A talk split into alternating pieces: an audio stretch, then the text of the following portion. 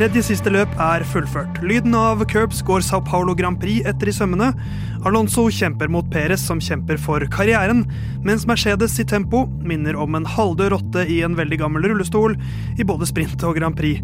Og så er spørsmålet kan det bli for mye Formel 1? Vi skal prøve å svare på det denne uken.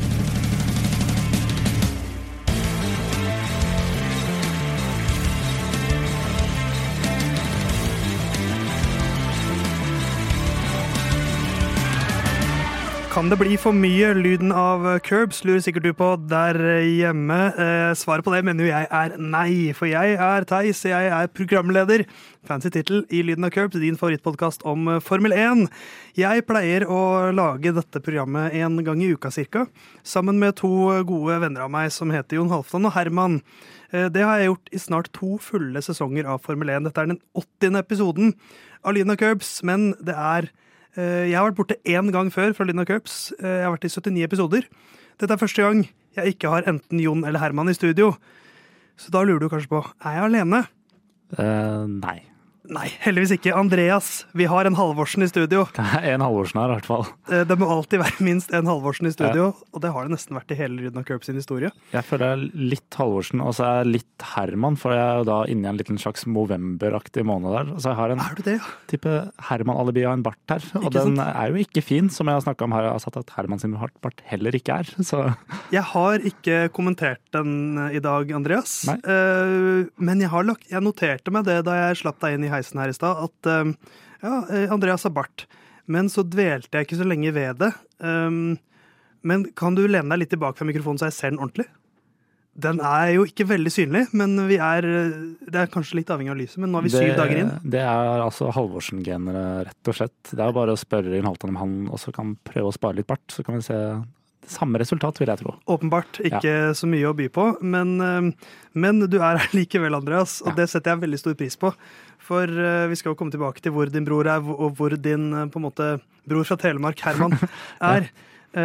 men jeg visste at jeg skulle hit. Jeg visste at Jon ikke skulle komme, visste at Herman kanskje ikke skulle komme. så da var jeg veldig glad da du bekreftet din, din ankomst her. Har du det fint for tiden? Jeg har det veldig bra, faktisk. Ja. Helt supert. Litt sånn litt sånn høstdepresjon når det kommer til jobb, men det er fordi ja, jeg jobber ute. Men uh, sånn ellers i livet så er det helt supert. Ja, men Det er jo bra. Man kan ikke ha det bra på alle fronter. Det er kjedelig hvis alt er ti av ti. Nei, nei, det, det hadde jo vært altfor lett. Ja, Lurer du på hvordan jeg har det for tiden, eller? Eh, hvordan har du det for tida? Alt er ikke helt ti av ti. Eh, jeg, er jo inne nå i offseason på min, eh, min, betalte jobb. Ja. Er du helt ferdig med å flytte inn, eller? Ja, altså det er jo Når er man, blir man noen gang ferdig med inn? Ja, det, det, det, er jo en stund siden du flytta inn, men det kan være du nå var ferdig. Det er jo det som er synd, at leiligheten er aldri, aldri finere enn når man nettopp har gjort den klar for salg. Sånn, når man selger den, det er da den er finest. Ja.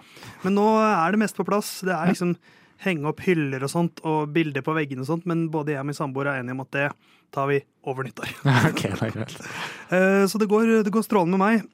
Eh, jeg er klar for å lage Lyden av Curbs eh, uten mine to faste kompanjonger, men med min gode kompanjong Andreas her. Skal vi høre fra din bror? Han har jo vært på en slags Asia-turné. Ja. Eh, hvor han har reist rundt og lært seg hvordan man syr i ulike deler av Asia. Ja, Det var men, det jeg også hørte han eh, skulle. Men uh, hva, hvorfor er du ikke her i dag da, Jon Halvdan? Tilbake i Norge, men uh, første fridag blir ikke sammen med dere, men med kona, som har venta i tre uker. Det er også en leilighet som skal selges, så det er litt dill og dal å holde på med der. Uh, I tillegg en jetlag som skal kvittes med, så da blir det ikke Eh, noe sending på meg før neste uke. Men eh, jeg håper at Theis og eventuelt de to vikarene, én vikar, to vikarer, litt sånn 40-40 eh, der, om det blir sånn eller sånn, gjør det greit likevel. Så høres vi live om en ukes tid.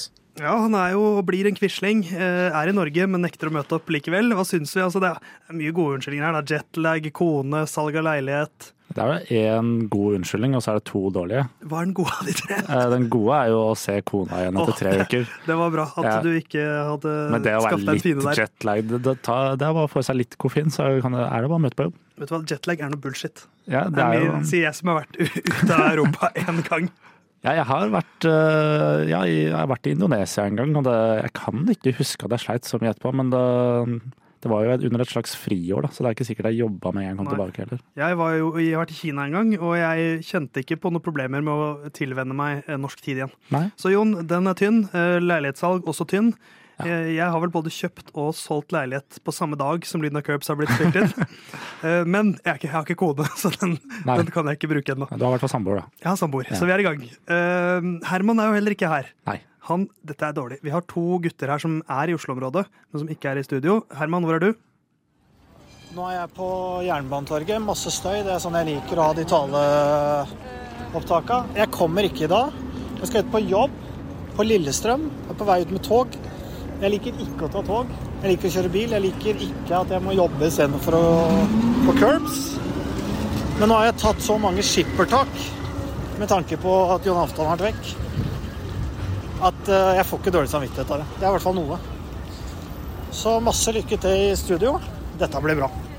Mye å ta tak i her også. Først reagerer jeg på at han sier 'jeg skal på jobb'. Han sa det På litt, jobb, ja! litt som en sånn LinkedIn-fyr ville sagt Ja. det. Uh, også, Typisk Herman å ta null selvkritikk på at ikke han møter opp. Ja, Han er jo ikke kongen av å ta selvkritikk, eh, men han uh, skyver jo da Jon foran seg og kaller det skippertak. Det å bare Ja. lage lyden av curbs. Det, og, men det er første gang jeg har hørt han heller skulle vært her enn på jobb. Ja, Det er første gang jeg har egentlig hørt Herman si at han har lyst til å være her. Ja, det var, det var overraskende for meg, så jeg var nesten så jeg ble litt glad av det. Det er nesten så jeg lurer på om Kanskje han liker egentlig å være her? Jeg tror egentlig han liker det, men Ja. han liker også å føle seg å, føle at det er et behov for han. Så Ja. han liker å være litt hard to get. Ja. Det er egentlig hele Herman oppsummert. Han liker å være litt hard to get. Eh, Men da vet vi hvor de to rasshølene er. Eh, Vi skal eh, dundre på videre uten å tenke for mye på de to. Men vi skal jo fokusere mest på Brasil Grand Prix i dag, Andreas. Så skal vi prate litt om om det kan bli for mye Formel 1. Og så skal vi ha et litt ekstra fokus på deg.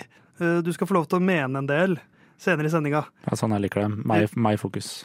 Er fokus rundt, Ja. ting, rundt ting vi i Lyden av Curbs, spesielt de to vi nettopp hørte, pleier å krangle om. Tenkte jeg vi kunne prøve å få et nytt innsyn på i dag. Men før vi dundrer i gang med Sao Paulo Grand Prix-fokus, så må jeg ha en fun fact. Eh, knyttet opp mot tallet 80, som er dagens episodetall. Det er et stort eh, jubileum. Eh, Og da skal vi trekke frem en av de beste, tenkte jeg. Eh, Vi har nettopp vært i Brasil, og da må vi trekke frem Arton Senna. Eh, Han hadde i sin Formel 1-karriere 80 podieplasseringer totalt. Så eh, den siste kom i Australias Grand Prix i eh, 1993. Det var eh, det avsluttende løpet den sesongen, og det vant han.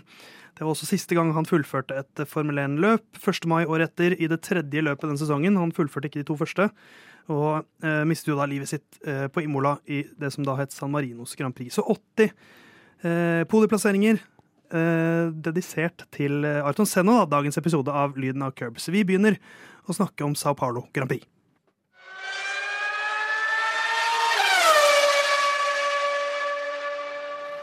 Brasil ja, de har et Formel 1-løp som finner sted i Sao Paulo, Interlagos, eh, mellom sjøene. De to små innsjøene som eh, ligger der, hvis det kan kalles innsjøer, da, de er veldig små dammer. Syns jeg egentlig det er mer eh, det som ligger der. Vannreservater er det i hvert fall. En hektisk helg, Andreas, som vi, jeg tenkte vi kan gå gjennom litt kronologisk. Eh, hopper over treninga, Ja. Og så går vi rett på kvaliken. Eh, For det er jo da i disse sprinthelgene så er det kvalik på fredag. Eh, Max Verstappen tar pole position i, eh, på fredagen foran Charles Clair, som i seg selv ikke er så overraskende. Men tror du ikke der at Lance Stroll Smak litt på den. ja.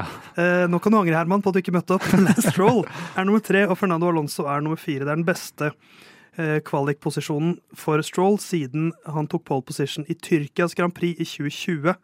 For de som husker det, det var vel da det begynte å regne, eller noe sånt, og så plutselig var han der. Eh, Piastri fikk ikke satt noe tid, fordi han bommet på, eh, på en eh, Han kjørte inn ut på gresset og ble da nummer ti i kvalik, bare nevne det også. Eh, og det skapte et gulflagg som gjorde at Sergio Perez eh, endte på niendeplass i kvalik. Ja. Så ble det masse straffer, da. Russell, Ocon og Gasly fikk da for å blokke i pit exit.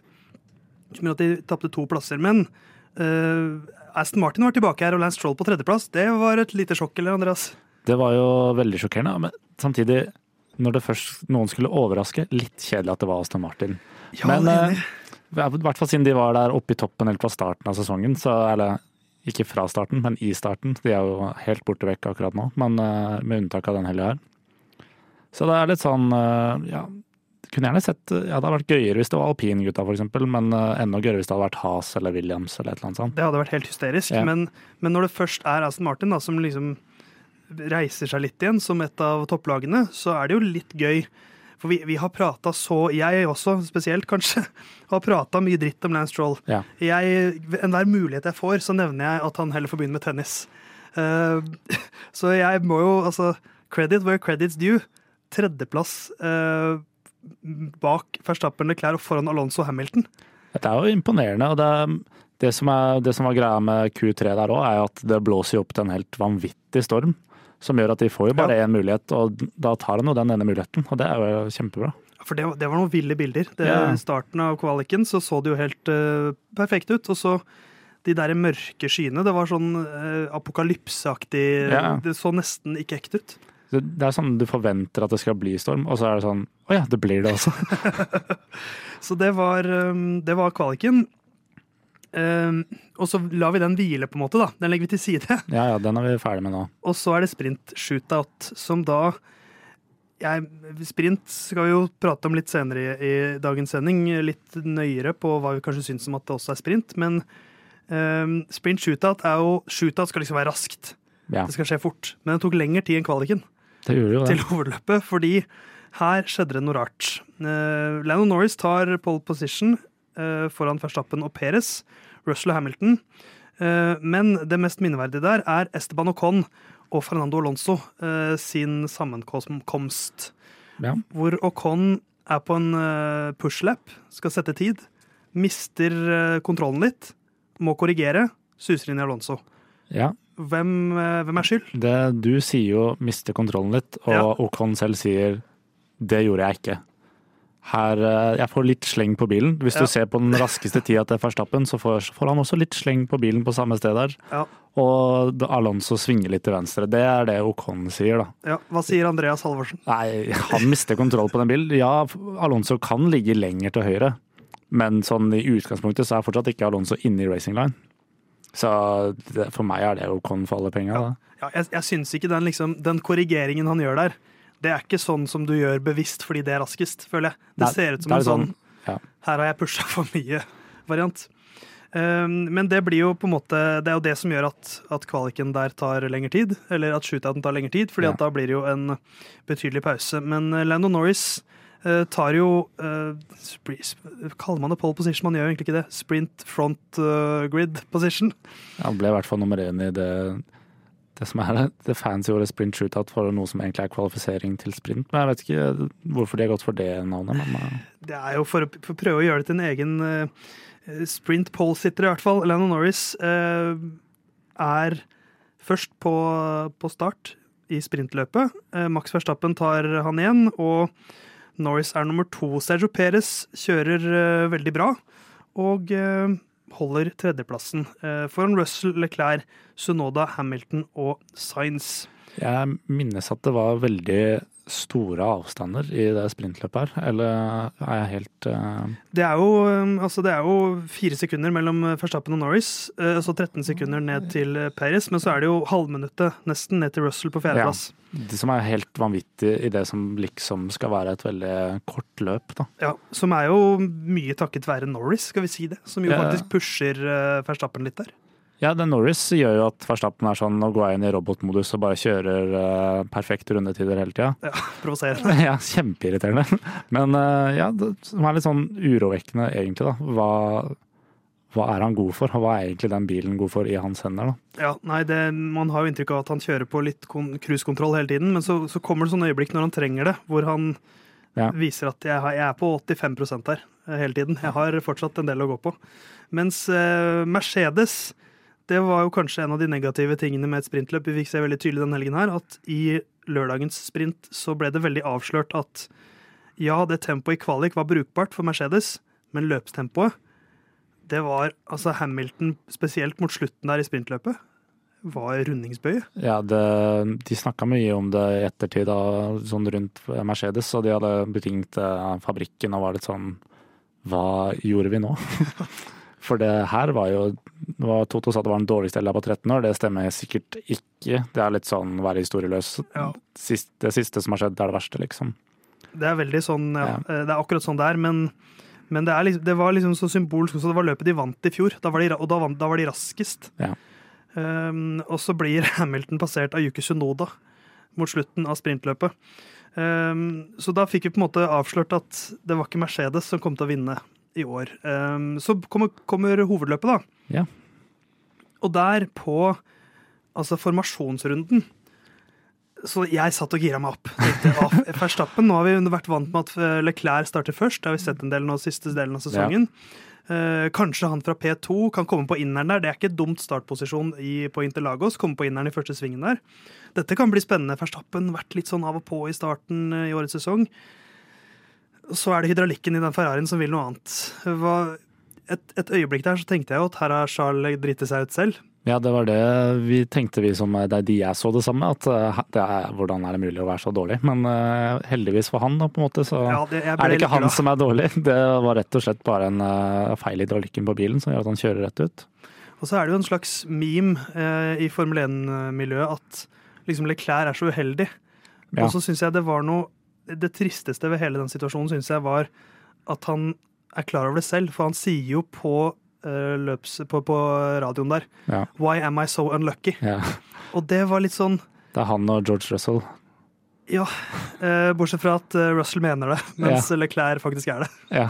Så der, der syns jeg ordentlig, ordentlig synd på han. Uh, og da blir det jo en litt annerledes start, da hvor plutselig Lance Stroll starter i praksis i P2 bak eh, Verstappen, Alonso på sin side. Tar jo ikke starten så veldig godt, eh, men det gjør Verstappen. Ikke verken han eller Alonso tar starten godt. Men det gjør Verstappen, og det gjør virkelig Lando Norris. Ja, kjempe. Det men som han, eh, han ble spurt i ettertid er det din beste start noen gang, så er han litt sånn Ja, det var gøy å havne opp i andreplass, men jeg tror han syntes det var litt kjedelig å ikke få kjøre forbi folk under løpet. Ja. Og så er det litt sånn Det er litt falskt også når eh, nummer to og tre starter dårlig, eller tre og fire, da, som det blir. Så er jo den andreplassen Han kjører jo opp en plass uansett. Så det er liksom Kommer på inneren der, så blir det jo kjapt andreplass. Ja. Men så klarer han også det mest imponerende der, det er jo nesten at han klarer faktisk å pushe Verstappen litt. Ja. Det er jo nesten den mest spennende og den mest utfordrende åpningsrunden Max har hatt i år. Ja, han øh, fikk øh, kjenne på at det var noen bak han i sånn ti runder, og så skjønte han at det er litt, kanskje det var litt for spennende, så da kjører jeg bare fra han. Eh, Men så blir det jo også en sånn sikkerhetsbil der, eh, så det blir jo tidlig rødflagg eh, Ja. med, med Kevin Magnussen og Alexander Albon som kjører inn i hverandre. Piastri, Ricardo får skade, så det er masse biler som ikke fullfører det løpet her. Det er jo Magnussen som skviser Hulkenberg, som gjør at han kjører i Albon, og så får Ja. han Albon i seg etterpå. Det er litt sånn, han skaper sin egen måte, død, da. Ja, og så er det vel også Er det dekket fra bilen til Magnussen som treffer Ja, det er Albon sitt dekk. Albon sitt dekk som Ja. treffer Hulkenberg? Ja, det treffer både Hulkenberg og Ricardo. Og, Ja. Så det, det er mange som den, den, den starten preger jo manges løp og Ja. ødelegger manges løp. Det blir rødflagg, ny start. Verstappen har kontroll, og derfra ut så er det jo en Verstappen eh, masterclass med Norris like klar nummer to. Eh, og så er det egentlig litt kjedelig løp, syns jeg. Men så er det en kamp om eh, tredjeplassen ja. som uh, gjør at avslutninga lever. Det ble en del TikTok eh, midt i løpet der, med å se f.eks. Gasli og Sainz da kjøre forbi Mercedesene, som er jo spennende nok det, men det handler jo om femte- og sjetteplasser og syvendeplasser. Det er jo ikke akkurat uh, kjempegivende. Og så er det den avslutninga med Alonso og Perez da, som er kjempespennende. Ja, Giga-Chad Alonso, Ja. som han har blitt kalt uh, på et vis. For Perez kjører forbi han. Uh, og så er det ut på siste runden, og så er det vel Alonso har sagt i intervjuet at han, han hadde egentlig gitt opp, men så så han at Perez bomma litt i første sving. Ja. Og da var han OK, nu jævlar, vamos. Eh, og så vinner han med en halv bil til slutt. Mm. Uh, vinner tredjeplassen, det er jo sånn det føles. Det var- uh, Snakker det- vel bare Er det ti meter til til målstreken, da, så er Perez nummer tre. Ja, for han har DRS der, og han er Ja. mye raskere på slutten. Uh, Men det trengte Aston Martin, virkelig. For de har vært i en uh, lita dump. Det er første podieplasseringen deres siden eh, eh, Nederlands Grand Prix. eh, Og det var vel ca. da Alonso sa han nå skal vi være på podiet resten av sesongen. Ja. Det var det løpet. Eh, Og så hadde de ikke vært på podiet igjen før nå. Eh, Men der følte jeg vi fikk se Alonsos beste. Ja, virkelig. Og det altså, Betydninga det kan jo ha en del å si. Altså, han, eh, hvis han da hadde blitt nummer fire, så hadde han vært A-poeng med Norris sammenlagt. Nå har han eh, tre foran, og hvis Norris kjører ut resten, så har han den plassen i sammendraget. Ikke sant? Så eh, et, et vakkert eh, øyeblikk som ga oss i hvert fall noe å juble for mot slutten. Men litt apropos det, så er det jo verdt å ta en diskusjon om TV-dekningen. For dette har skjedd mange ganger nå. At det er action på siste runde, men løpet er avgjort om hvem som vinner. Ja. Så midt i en duell så kutter man til Max Verstappen, som krysser målstreken. Ja, Så går man glipp av det. Ehm, litt avhengig av hvor man ser, men på F1 TV så bruker de av og til split screen osv. ja, det, Men det tar ofte sånn tre-fire sekunder før den dukker opp osv. ja, det tar litt tid. Men hva, hva syns du er viktig? Man må jo på en måte vise hvem som vinner løpet. Men det er jo avgjort. De har jo den her lille firkanten de også bruker på den der tidslista på venstre side der. Nå drev jeg og gestikulerte på hvordan det så ut. Men eh, altså, de har jo mange ting de kan bruke, og det virker sånn De er bare litt treige bak spakene der, da. Vær flinkere på split screen, rett og slett. Ja. Eh, når, man, når det skjer ting på siste runde, men eh, kampen om seieren er avgjort, så vis, vis for all del den som krysser målstreken. Ja. For det må man liksom se. Men, men gi oss kampen som skjer bak der, da. Så da blir det til slutt seier da til Max Verstappen. Nok en gang Landon Norris, Alonso tar plassene bak. Uh, Perez, Stroll, Sainz, Gasly, Hamilton, Sunoda og Conn. tar poengene i hovedløpet. Vi skal eh, kanskje se litt mer på Perez, vi, straks.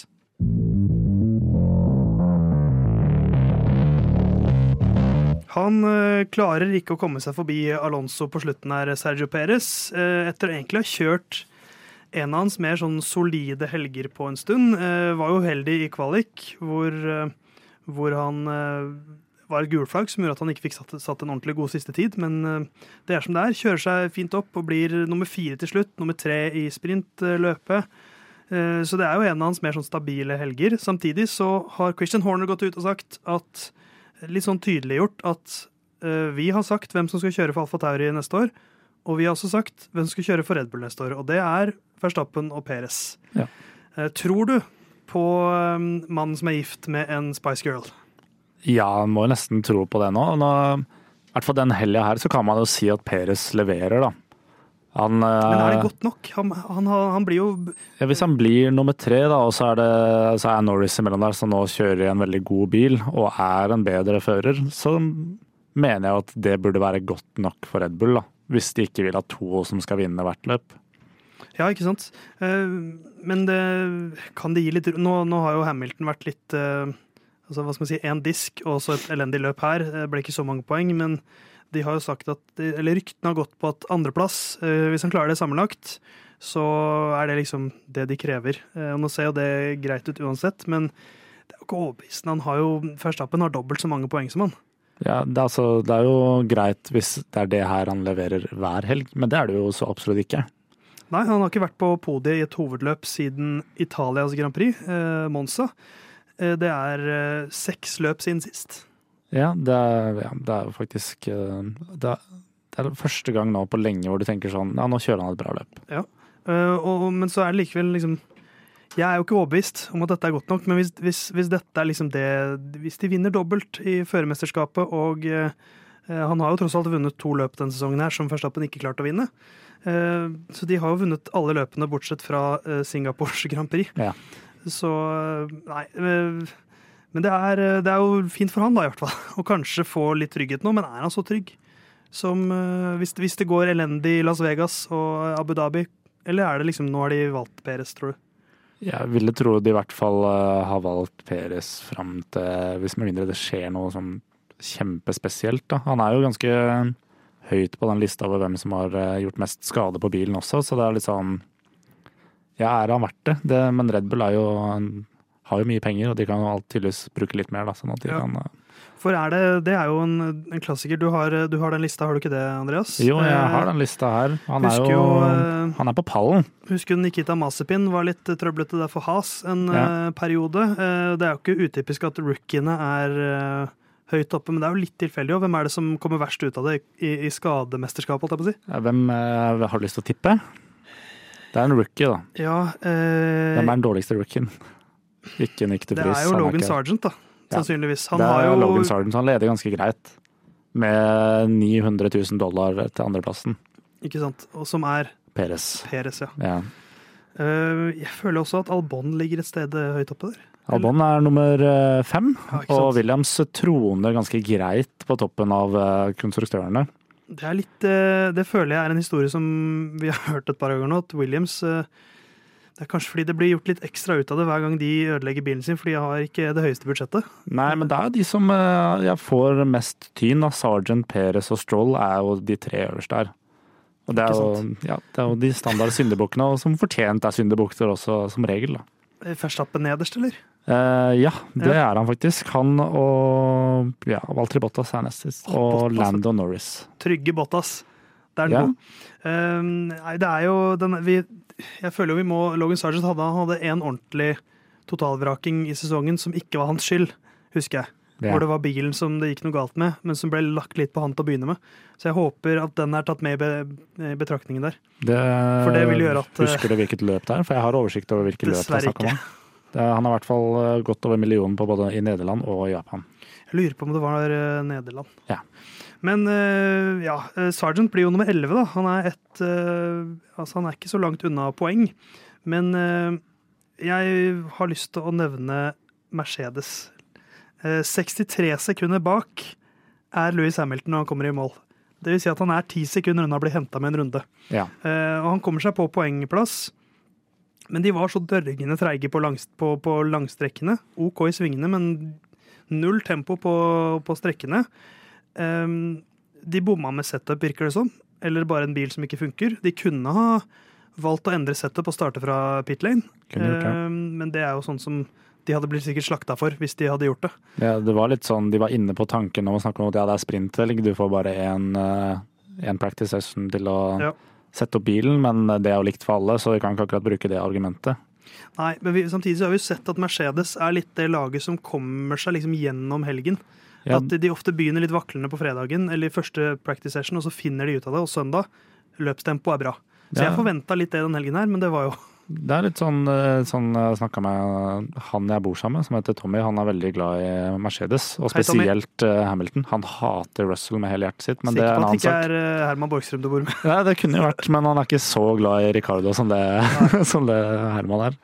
Men eh, det er litt sånn Mercedes har jo alltid, har, som regel den sesongen har vært veldig gode på tire degradation også. Så de, de kommer seg jo bare lenger altså Jo mer ut i løpet man er, jo bedre kjører Mercedes, syns jeg, da. Sånn har det vært eh, veldig mange løp, men Ja. eh, ikke denne gang. Ja, her var det helt motsatt. Eh, Russell fullfører ikke. Oljetemperaturer, som var grunnen, visstnok. Eh, det kan jo ha vært skapt av en bil som var tynt, og Ja. at den olja kokte litt. Louis Hamilton blir nummer åtte. Og de er litt heldige her, tror jeg, som får poeng, fordi Leclerc kjører jo ut før løpet starter. Han hadde nok slått Hamilton. For Ferrari virket å ha OK løpstempo. Oscar Piastri får løpet sitt ødelagt med en gang. Havner en runde bak, fullfører jo, men får jo aldri tatt igjen den runden, fordi Nei. de taper en runde før um, altså når, før rødflagget. Ja, ja. Uh, og Ricardo havner i samme, samme posisjon. Og Sunoda var ikke langt unna å ta igjen Hamilton, så Mercedes heldige som får poeng, det er det ikke en setning uh, vi sier ofte. Nei, absolutt ikke. Det, nei, det, de hadde ikke noen gode svar på hva som var problemet selv heller, som er jo utrolig det òg. Men eh, det er sånn, ja, med litt flaks så gjør det det bedre i Las Vegas, var det de sa. Med godt arbeid og litt flaks, så er de tilbake igjen. Godt arbeid, litt flaks, det er det jeg håper skal ta meg til toppen av Lina Curbs sin tippekonkurranse.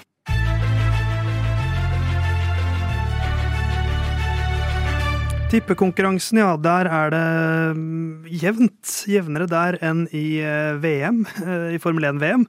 Det er eh, hver løpsuke så er det Lyden av Curbs-panelet som kommer med en topp tre. Altså hvem som blir nummer én, to, tre i hovedløpet. Vi har ignorert sprintløpene, eh, i hvert fall i den tippinga. Og så kommer vi med det som er ukens sjuking, hvor vi forsøker å komme med en spådom om noe vilt som skjer i løpet av eh, løpshelgen. Eh, 20 poeng hvis du treffer der. Eh, 3 poeng hvis du treffer riktig på en av de topp tre-tipsene. Og 1 poeng hvis du har riktig føre på feil plass. Eh, hvis ingen treffer med ukens sjuking, så blir det ett bonuspoeng til den som er nærmest. Ingen har truffet eh, en eneste gang så langt i år. Men vi kan jo se hvordan det har gått i dag, eh, med Brasil Grand Prix-tipsene. Jon Halvdan tippet Verstappen, Peres Hamilton. For her har det vært mye diskusjon internt i Lyden av Curbs. Det har stormet, rett og slett. Eh, For Jon Halvdan leverte jo ikke tips forrige uke. Nei, det ble vel sagt at han ble diska, men eh, har det endra seg, da? Eh, Jon Halvdan kom med sin sak i vår interne chat og sa, som jo faktisk eh, riktig er, at i Monacos Grand Prix i år så ha, leverte ikke Herman tips. Eh, og det vi da gjorde, var at vi ga Herman eh, tipsene han hadde forrige Monacos Grand Prix. Aha. Men da var jo Herman eh, litt kødden i tippinga året før, og den tippinga sto seg ikke så bra, så Herman var ikke helt enig i at vi burde gjøre det denne gangen.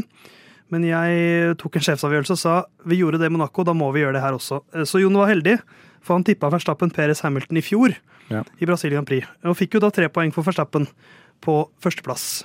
Som, vært, eh, som var vel en dårlig, veldig dårlig tipping i fjor. Uh, ja, den var uh, Hamilton ble jo nummer to, Ja. så han fikk vel ett poeng, tror jeg. Um, men jeg, Tobias, som var gjest, hadde Hamilton Norris Science. Tre poeng til gjestene der, da, som er på en måte ditt lag, Andreas. Ja. Uh, jeg tippet Hamilton Norris Verstappen, så jeg fikk fire poeng. Eh, prøvde meg på en dristig Hamilton-seier. Det gikk jo ikke inn. Herman gikk for Russell, Verstappen og Hamilton og får ett poeng. Um, som vil si at jeg tar flest poeng på den ordinære tippingen. eh, Og før vi tar eh, ukens sjuking, så leder da Jon med 90 poeng. Jeg har 87, Herman har 78. Og Andreas, dere må skjerpe dere, for dere har 58, dere gjester. Ja, Der er vi dømt ned i støvlene, mener jeg, men det kan jeg ta med min bror. Ta det med din bror, det er han Ja. som er uh, sjef i sekretariatet. Uh, men ukens sjuking, der har jo du en del eh, påvirkningskraft denne uken. Ja, jeg står vel også bak eh, lyden av Curbs største kontrovers når det kommer til eh, deling av ett poeng på ukens sjuking.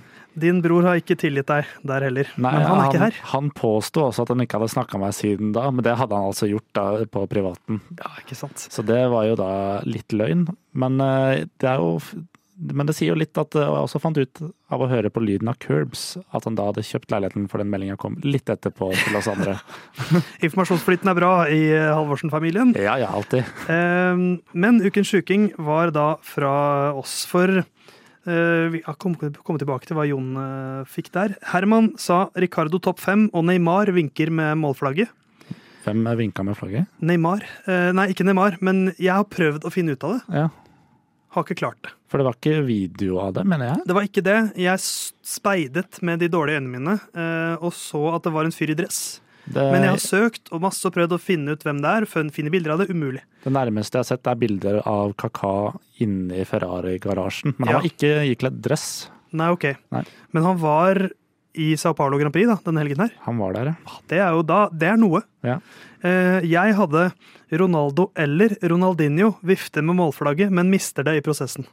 ja. Det ble ikke mista noe flagg, men vi er du er nesten like nærme som Herman. Da. Ja, men, men Kaka var der. Det visste ikke jeg, så der, det er informasjon som er relevant. Ja. Eh, Tobias hadde krasj i pit som får konsekvenser. Eh, det var ingen krasj i pit, men det var mye, spesielt i sprint-shootouten, så var det en del eh, close calls Ja. ut, ut fra Pitt spesielt. Men eh, vi får eh, vi får ta diskusjonen etterpå. Det da Jon fikk, som også da tilsvarer det Herman fikk i Monaco, var en tilskrudd variant av det gjesten kom med.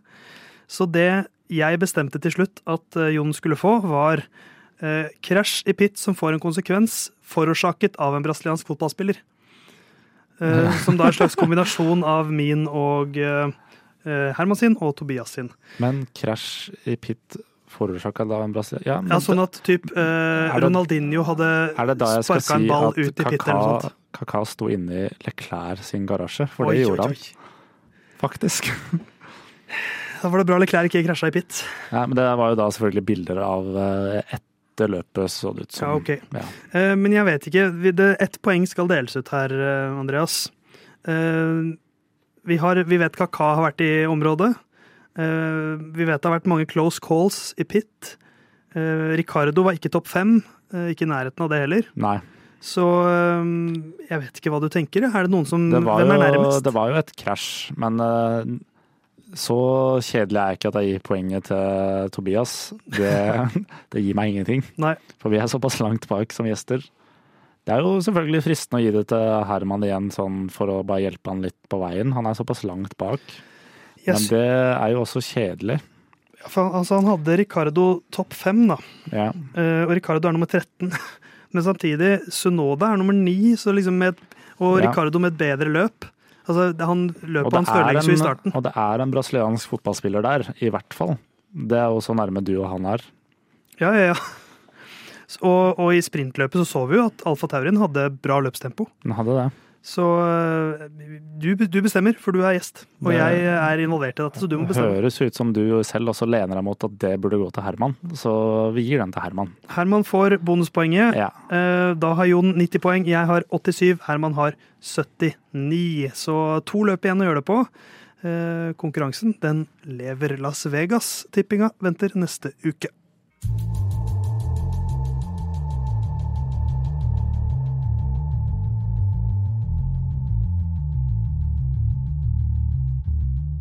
Da Giuseppe Farina ble verdensmester i 1950, den aller første sesongen av Formel 1, så var det syv løp.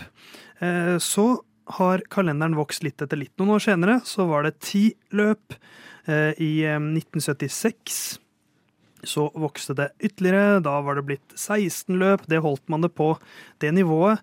Eh, egentlig helt til Michael Schumacher begynte å vinne. Eh, da han begynte å slutte å vinne mot hans siste sesonger, så var det oppe i 18-19 løp. Eh, Så lå det på det nivået. Så kom Louis Hamilton, Nico Rosberg osv., Max Verstappen. Og plutselig så er det 22 løp som er Formel 1-kalenderen i år. Og neste år så skal det være 24 løp. Fra Bahrain Grand Prix eh, 2. mars til Abu Dhabi Grand Prix 8. desember. Det er eh, i hvert fall planen neste sesong i snakkende stund. Eh, Og Jon Halvdan Halvorsen har eh, et spørsmål til oss angående det her. Ja, dette var da tredje, eller siste løp i en triple header, altså tredje løpshelg eh, på rad. Første og siste i den triple headeren hadde også sprintløp, så det løpet på søndag var altså da femte løpet på tre uker. Når er nok nok, eller når får man for mye Formel 1 på for kort tid? For, for min del, som alltid ser fram til Interlagos og Brasil, eh, syns at nå var det liksom ikke så spennende når man allerede hadde fått en smakebit på eh, løpet eh, med sprintløpet. Litt annerledes i USA, der det var litt eh, eh, Sprintløpet ikke nødvendigvis var helt likt som hovedløpet. Men her, også med den ræva Mercedesen, så eh, Hvor spennende er det egentlig? Skal vi kvitte oss med sprintløp snart, eller skal vi finne på noe annet? Eh, hva, hva sier dere? Jeg skal finne på noe annet. Det er mye Formel 1 nå. eh, For det, jeg føler det er det som er liksom kjernen i spørsmålet her. Ikke nødvendigvis sprint, det har vi prata mye om i år, men, men sprint gjør jo også det blir mer Formel 1. Ja, jeg kjente nesten begynte å fyre meg litt opp her, idet min bror driver og legger fram problemstillinga. Det er litt sånn Og det er, ikke for, det er fordi jeg mener han tar feil. Altså, blir det for mye? Nei. Å ja, du vil ha mer? Mer, ja. Oi, oi, oi. Jeg er jo da, det har jeg jo sagt mange ganger, jeg er en ihuga fotballfan og veldig glad i et forferdelig fotballag som heter Manchester United. Jeg holder med lyn, så det Og altså, hvis jeg kunne sett United-kamp hver dag, så hadde jeg gjort det. Og det samme gjelder for så vidt for meg. Jeg kunne godt sett løp hver dag. jeg. Du er rett og slett, Husker du den eh, Disney-tegnefilmen hvor Ole Dole Doffen ønsker seg jul hver dag? Ja, men det, er jul hver dag veka, men maten gjerne. Og selskapet. Det er veldig hyggelig. Jeg trenger ikke gavene. Det er ikke så viktig. Nei, ikke sant? Uh, nå hørtes det ut som jeg har masse greier. Det har jeg ikke. Jeg er bare ikke så fan av altså, Nei, gavekjøret. Okay. Jeg er veldig glad i familie, bare. Ja, Som er en veldig avsporing. Bare, Familie Formel 1, de to F-ene.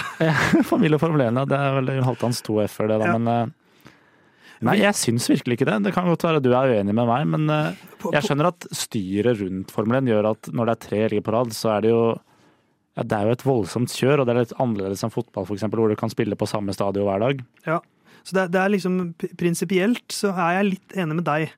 At jeg liker egentlig den derre uh, build-upen rundt, rundt uh, uka mi. Bare når det Ja. er når det er Formel 1-helg, så er det noe jeg liksom Da følger jeg litt ekstra med på, på sporten, og liksom det bygger seg opp en forventning gjennom uka, og så blir jeg skuffa på søndag, for Ja. da vinner Verstappen. Men det er en del av det, sånn som du sier. Det er som å holde med et fotballag. At du vet jo at eh, se, Hvis du holder med et møkkalag, så vet du at vi taper sannsynligvis, men jeg gleder meg likevel. Altså, Formel 1-sesongen er jo, varer jo da fra mars til ja, desember neste år, da, Ja. for den saks skyld. Bare november i år. Men eh, fotballsesongen altså, den begynner jo i august og er ferdig i mai. Men så er det jo en sånn irriterende landslagspauser innimellom der, ikke sant? og de er jo frustrerende, for da er det jo ikke fotball.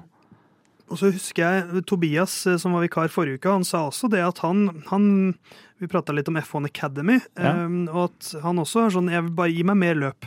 Ja. Men eh, mitt motargument, da, der jeg merker at det lugger litt, er at det tar mer og mer tid en løpshelg. Jeg gikk gjennom litt sendetider fra Sao Paulo Grand Prix. Um, så jeg så på F1 TV, fordi det er det jeg ser på. Liksom la jeg sammen Hvis jeg skulle sett alle deres sendinger fra Formel 1-helgen, så har du da weekend warm-up på en halvtime. Ja. Første trening halvtime. Pre-qualifying eh, showet deres halvtime. Qualifying i seg selv var halvannen time. Post-qualifying show halvtime. Sprint shootout varte 1 time og 40 minutter her plutselig. Pre-sprint show halvtime. Sprinten i seg selv 50 minutter. Post-sprint show 35 minutter. Pre-race show på søndagen da 55 minutter. Sao Paulos Grand Prix 2,5 time.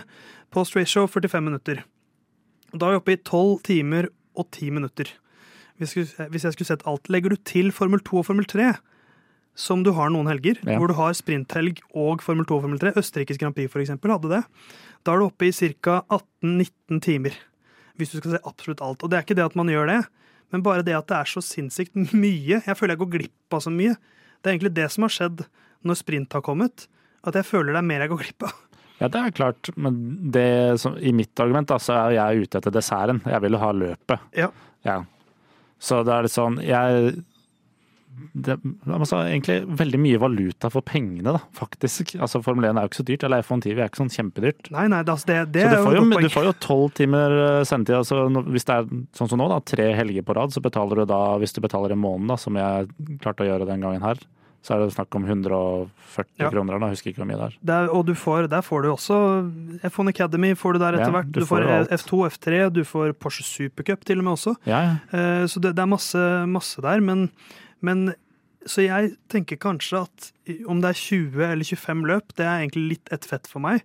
Men de sprinthelgene Jeg syns kanskje at de utvanner Formel 1 først og fremst. Jeg har ikke noe i veien for at det er F2 og F3, kanskje heller flere løp fra Formel 2 og 3 istedenfor flere Formel 1-løp. Ja, der mener jeg at eh, det er mye potensial i de sprinthelgene, som å gjøre som F2, da, og ha reverse grid på Ja. sprintdag. For det hadde gitt mye mer spenning. Jeg skjønner at kanskje førerne ikke er så interessert i det, men for oss som publikum, da, så er jo det mye Ja. kulere. Ja, for nå, jeg er enig med Og da, snakker, da vil vi kjøre samme som F2, da, at det bare er topp ti som er snudd, ikke Ja, et sprintløp må tilføre noe annerledes. For det, det er som Ja. du sier, altså, søndagen, søndagen og løpet, hovedløpet, er jo indrefileten. Ja. Uh, og nå blir på en måte lørdagen at vi får en litt dårligere biff uh, før vi skal spise hovedbiffen, som gjør at vi blir mett Ja, før den beste biffen kommer. Det er sånn du får se halve, halvparten av det som kommer. Mest sannsynlig skjer da, på søndagen. Altså, det, det sprintløpet har blitt for meg, det er som en, har du sett sånn, altså en dårlig filmtrailer som avslører alle momentene, Ja. som gjør at du egentlig ikke trenger å se filmen. Du sitter 30 sekunder inn i den traileren og sier, nå har jeg sett filmen, nå er jeg ferdig. Ja, alle tvistene har de avslørt. Ja. De har vist meg hvem som er skurken, de har vist meg hvem som er helten. All, alle de store actionscenene. Og de, alt det får du på lørdag. Jeg visste at Mercedes var ballet den helgen her, av sprintløpet. Ja, du skjønte jo det. Eh, så, så jeg tror Jon og Herman får sikkert mene det de vil, men jeg lander på at 20 løp, 22 løp, 24 løp, det er ett fett. Men sprintløpet må bli noe annet enn en mindre versjon av hovedløpet. Ja, vi kan jo konkludere med at blir det for mye Formel 1? Nei, men for Men- mye sprint, kanskje? Jeg syns det blir for mye Formel 1 hvis sprintløpet er som i dag. Ja. Eh, Det er min konklusjon. Eh, Det er min konklusjon. Dine konklusjoner, Andreas, de skal vi få flere av nå.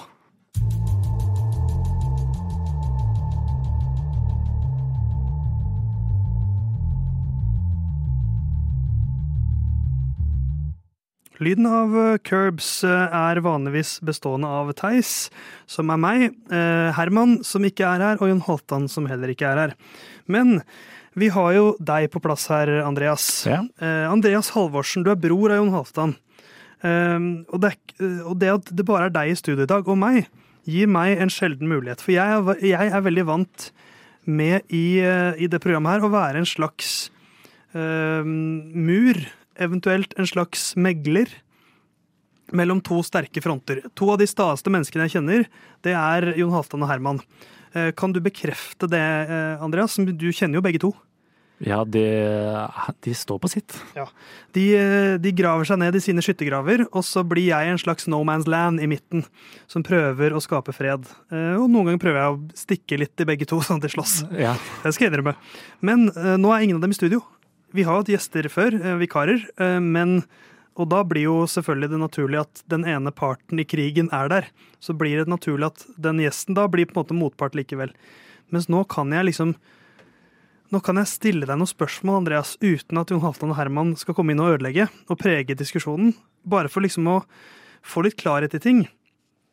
For eh, vi har jo Herman som er på en måte anti-Bull, og Jon som er veldig pro-Bull.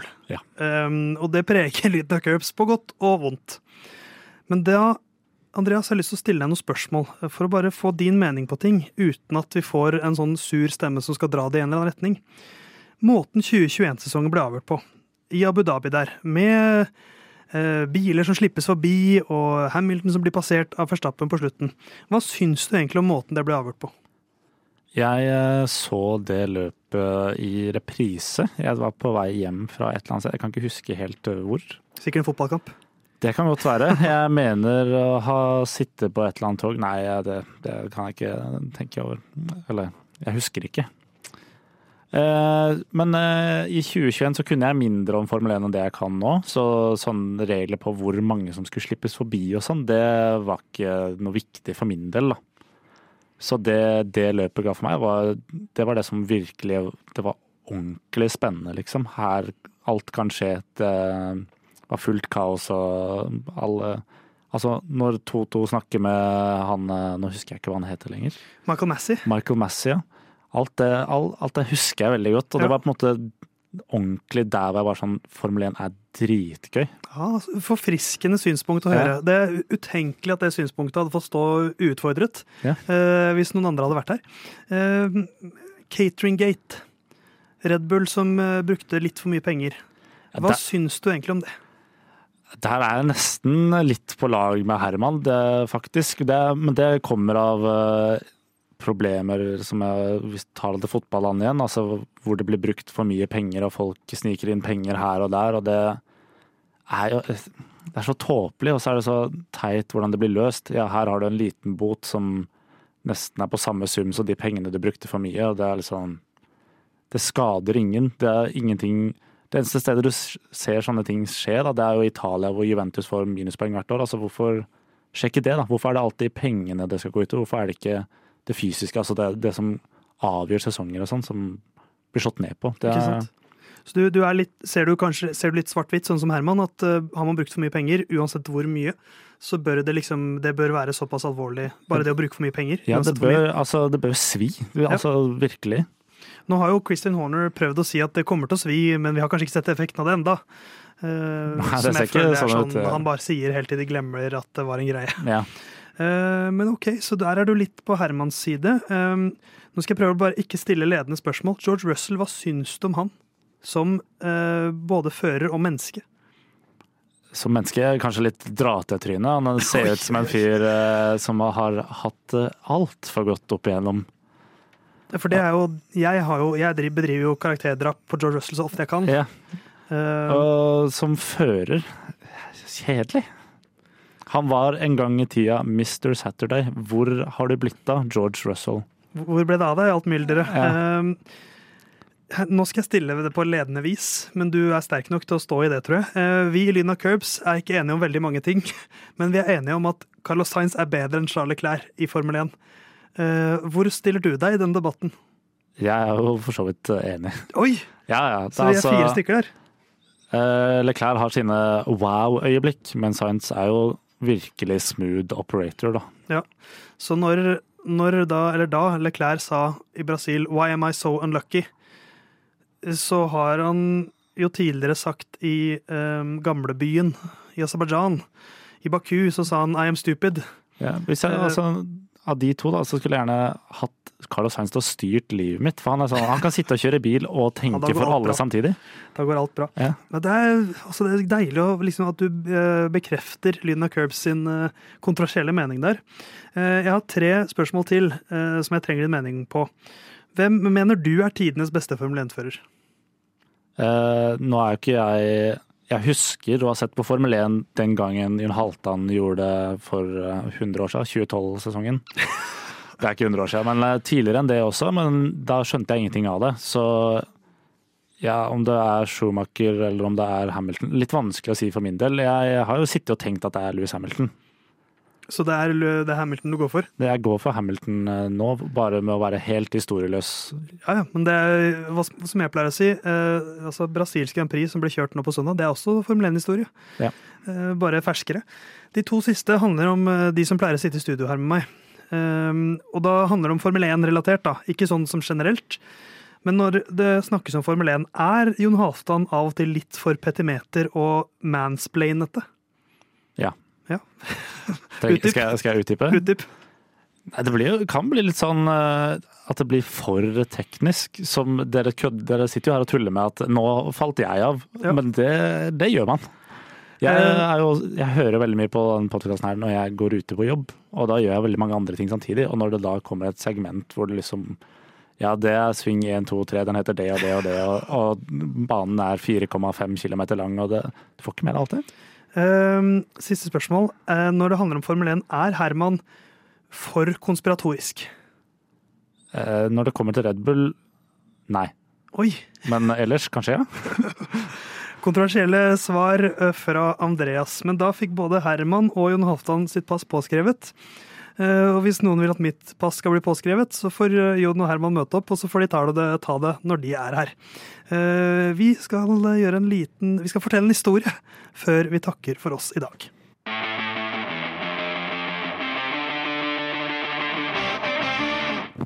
Men oi, beklager. Men før det blir historietime her i Lyden av Curbs, så må vi komme med noen tilleggsopplysninger som er aktuelle på tampen av dagens sending. Vi har funnet ut hvem det var som vifta med flagget i Brasilsk Grand Prix. Ja, jeg satte deg jo litt ut i det du skulle si utro til en låt her i stad, hvor jeg bare viste deg et bilde av en dame Ja. som vifter med flagget. Og det er nok til å bli satt ut, det. Ja. Skal jeg si navnet på personen? Gjør det. Det er Marta Vieira da Silva, også kjent som kanskje tidenes brasilianske fotballspiller. Eller? Ja, kan nesten På si kvinnesida, da, tidenes fotballspiller på kvinnesiden. Marta, ja. en stor, stor brasiliansk legende. Eh, Både Herman og jeg tippet jo at en brasiliansk fotballspiller skulle vifte med flagget. Ja. Eh, Så Herman fikk bonuspoenget, men eh, hvis jeg nå taper denne sesongen her med ett poeng bak Jon, så vet jeg hvor jeg tapte. Men da har Jon også hatt sine hendelser hvor han ikke har fått poeng, så ja, dere kan jo for så vidt eh, stille dere bak og skylde på meg begge to. ja. Da har vi det til felles. Ja. Ingenting forener mer enn en felles fiende. Alle hater Andreas, Bortsett fra Herman. bortsett fra Herman. Eh, men i, for de som har fulgt med hele sendinga, og ikke bare spurte til slutten, så har de fått med seg at i starten så sa jeg at uh, funfacten knyttet opp mot tallet 80, som er episodetallet, var at Arton Senna hadde 80 podieplasseringer. Og at, eh, så nevnte jeg at den siste, kom den 80., kom da i Australia i 1993. Du, Andreas, har funnet ut eh, en, eh, vill sammen, et vilt sammentreff. Ja, det var jo da den 7. november 1993. 30 år siden i dag. Så i dag rett og slett er det 30 år siden Arton Senna tok sin siste seier. Og det skjer i den 80. episoden av Lyna Curbs. Så det er eh, en episode i Arton Sennas navn, det her. Ja, jeg skal hjem og tippe, i hvert fall det nå er stjernene stilt seg på rekke. Stjernene står rett og slett i rekke. Um, Men før vi takker for oss, så har jeg um, jeg, har, jeg har gjort noe som uh, vi får se hvordan det blir. Men jeg, uh, jeg liker å skrive. Uh, Og jeg liker å skrive om Formel 1. Så jeg har prøvd å skrive en liten Formel 1-historie som jeg har en slags plan, hvis jeg syns det er gøy å fortsette med, at skal bli en slags choose your own adventure. Hvor eh, en i lyden av Curbs skal få lov til å bestemme hvor historien går videre. Så jeg kommer til å lese et kapittel på en måte som kommer til å avslutte med at du, Andreas, skal velge hvor historien går videre. Som da jeg håper å kunne fortsette med neste uke. Ut fra du, eh, hvilken vei du peker meg. Så du, Andreas, kan egentlig bare sitte, eh, lene deg tilbake og slappe av, og høre og lytte. Og så mot slutten av eh, kapittelet så skal du få bestemme eh, kanskje hva vi får høre neste uke. Eh, og det kan hende det handler mye om deg. Ja, jeg er klar.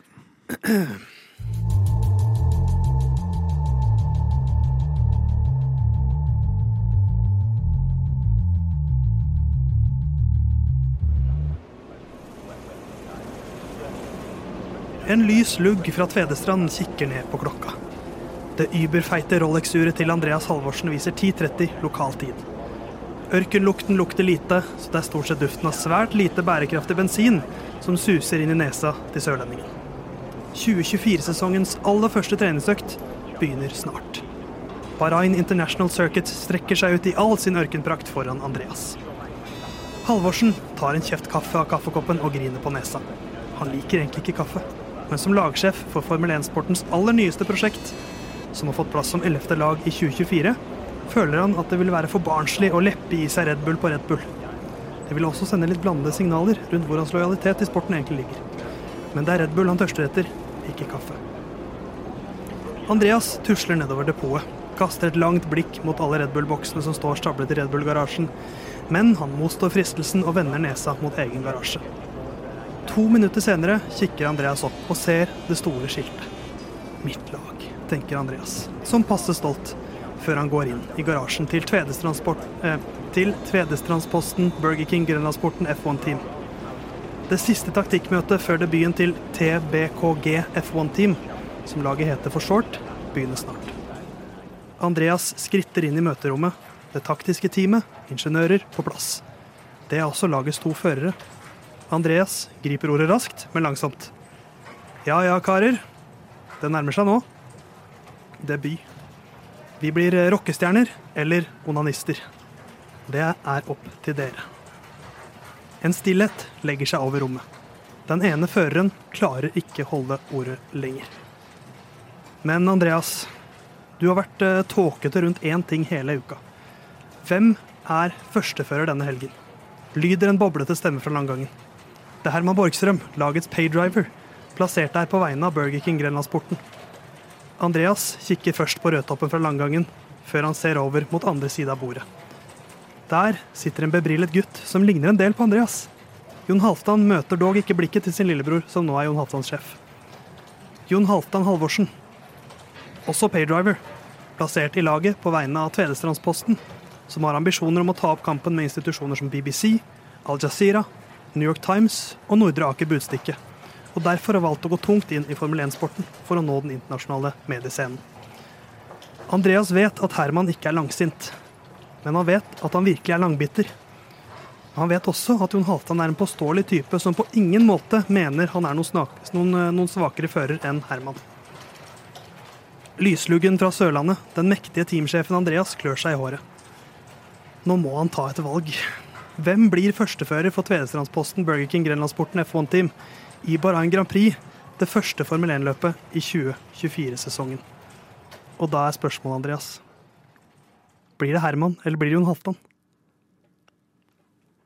Vi eh, kjører med Herman som førstefører den helga. Fortsettelse følger. Om en uke, kanskje.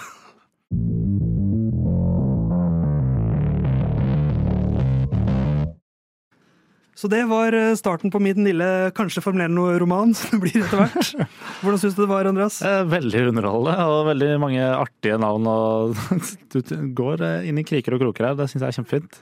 Har du, er du allerede fan av Tvedestrandsposten, Burger King, Grenlandsporten F1 Team? Ja, vanskelig navn å svelge.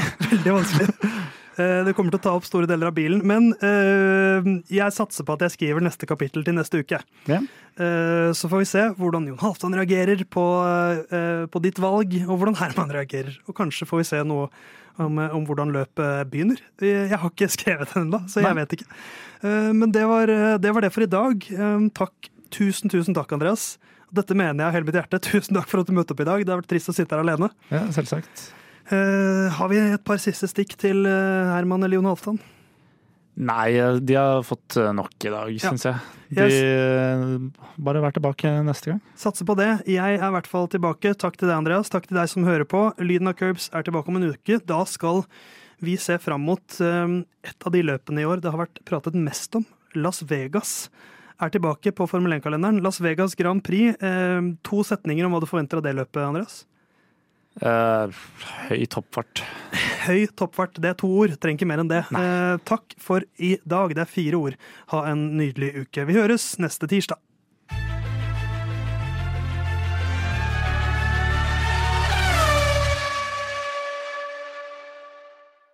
Good luck this weekend, Stroll. Thanks.